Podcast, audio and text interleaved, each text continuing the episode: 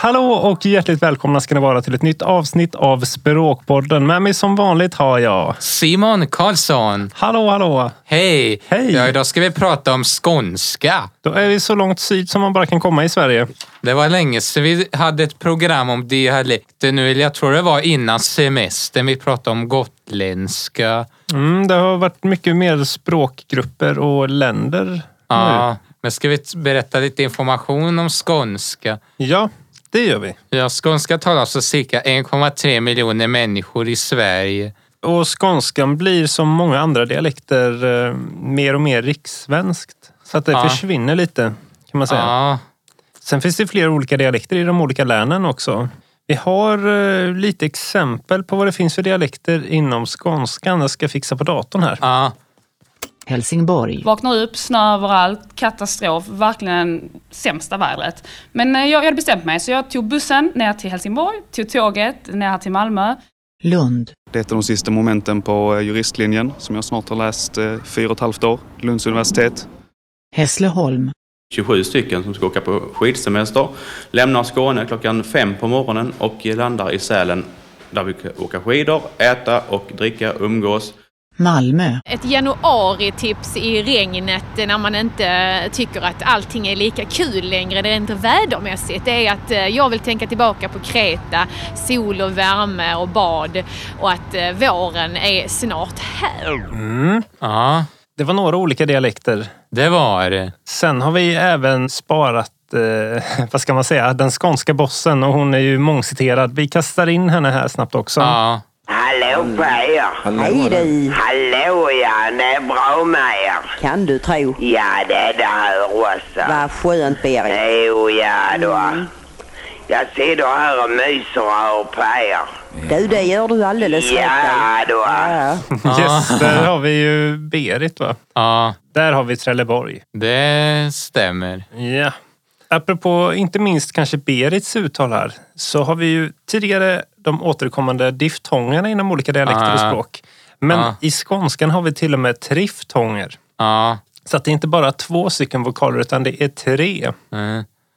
Eh, det är ju det är nästan lite det där hallå. Hallå! Det, det är fler än två vokaler. Ja. Vi, ha- vi pratade innan programmet här också om, eh, vad heter det, m- när man säger mor. Fonetiska alfabet. Ja, vi var djupt inne i eh, många olika fonetiska tabeller. Tyvärr kunde vi inte ta fram det riktigt eh, ljudmässigt. Även om vi har försökt och grävt som tusan. Men det är någonting nytt med driftonger i alla fall kan man säga. Ja. Skånska.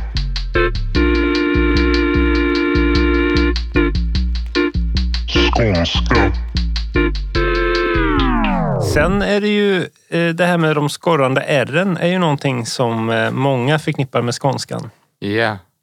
Och många tänker att det har med danskan att göra, men det är ju franskan. Och nu är ju mitt franska uttal inte så bra, för jag slutade redan i årskurs åtta att läsa franska. Men om man försöker sig på att säga au revoir Revoir. så är ju det eh, hyfsat likt skånska r ändå. Ja.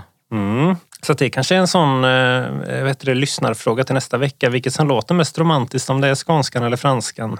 Ja. Språkpodden. Men nu är det dags för eh, frågesport.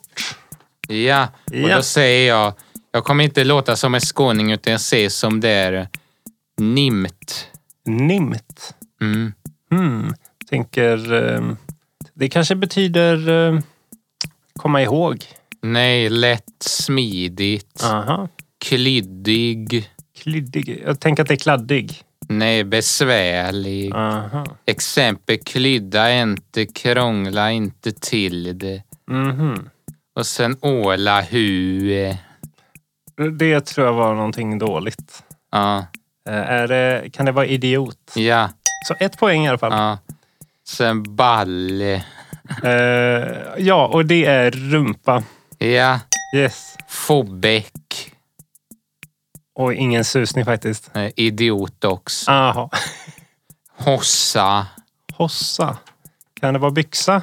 Nej, strumpa, strumpor. Ja, kläder i alla fall. Två rätt hittills. Ja. Glöttig. Kan det vara kladdig då? Nej, löjlig. Jaha, okej. Blannevann. Eh, Saft. Nej, groggvirke. Ja, Okej. Mög. Ja, men det är väl bara... Det är väl skit? typ. Ja, det stämmer. Yes, tre poäng. Ja. Tradig. Ja, men det säger väl vi också lite så tradigt. Alltså vad tradigt, vad tråkigt. Ja, men det stämmer. Ja. Rullebör. Ja, skottkärra. Ja, det stämmer. Ente. Men som är inte. Ja. Ja. Tös. Eh, tjej. Flicka. Ja. Påg. Och pojk. Flabb. Ja, det är mun. Ja, hotta. Hotta. Hotta. Mm, nej, vet inte. Kasta. Mhm. Rälig. Rälig. Tråkig kanske? Riktigt äcklig. Så äckligt Eh. Aha. att du vill kräkas. Okej. Om du äter en sån skälig gröna som den där, då ska Han du... gick på det. Det var det värsta. Men den egyptier sviker aldrig sitt ord. Jag tar nu en gråda. Ät den skäliga grönan den där, den ska du äta. Nej, den vill jag inte ta för att... I förra programmet så hade vi ju en fråga som handlar om varför man säger prosit. Ja. Eh, vi pratade om eh, engelskans God bless Ja. och tyskans Gesundheit. ja. Och då eh, har vi hittat på Wikipedia att en nysning ansågs före vara framkallad av högre makter, onda eller goda. För att försäkra sig om att nysningen skulle vara till det bästa uttryckte man en positiv önskan genom ett lämpligt uttryck. På vanlig svenska kunde man säga Gud signe. Men däremot då mer latinskt orienterat så fanns det uttrycken prosum eller pro des eller prosit som betydde ungefär vara nyttig eller gagna. Det var ungefär lite som eh, engelskans eh, uttryck då kan man säga. Veckans fråga. Veckans fråga.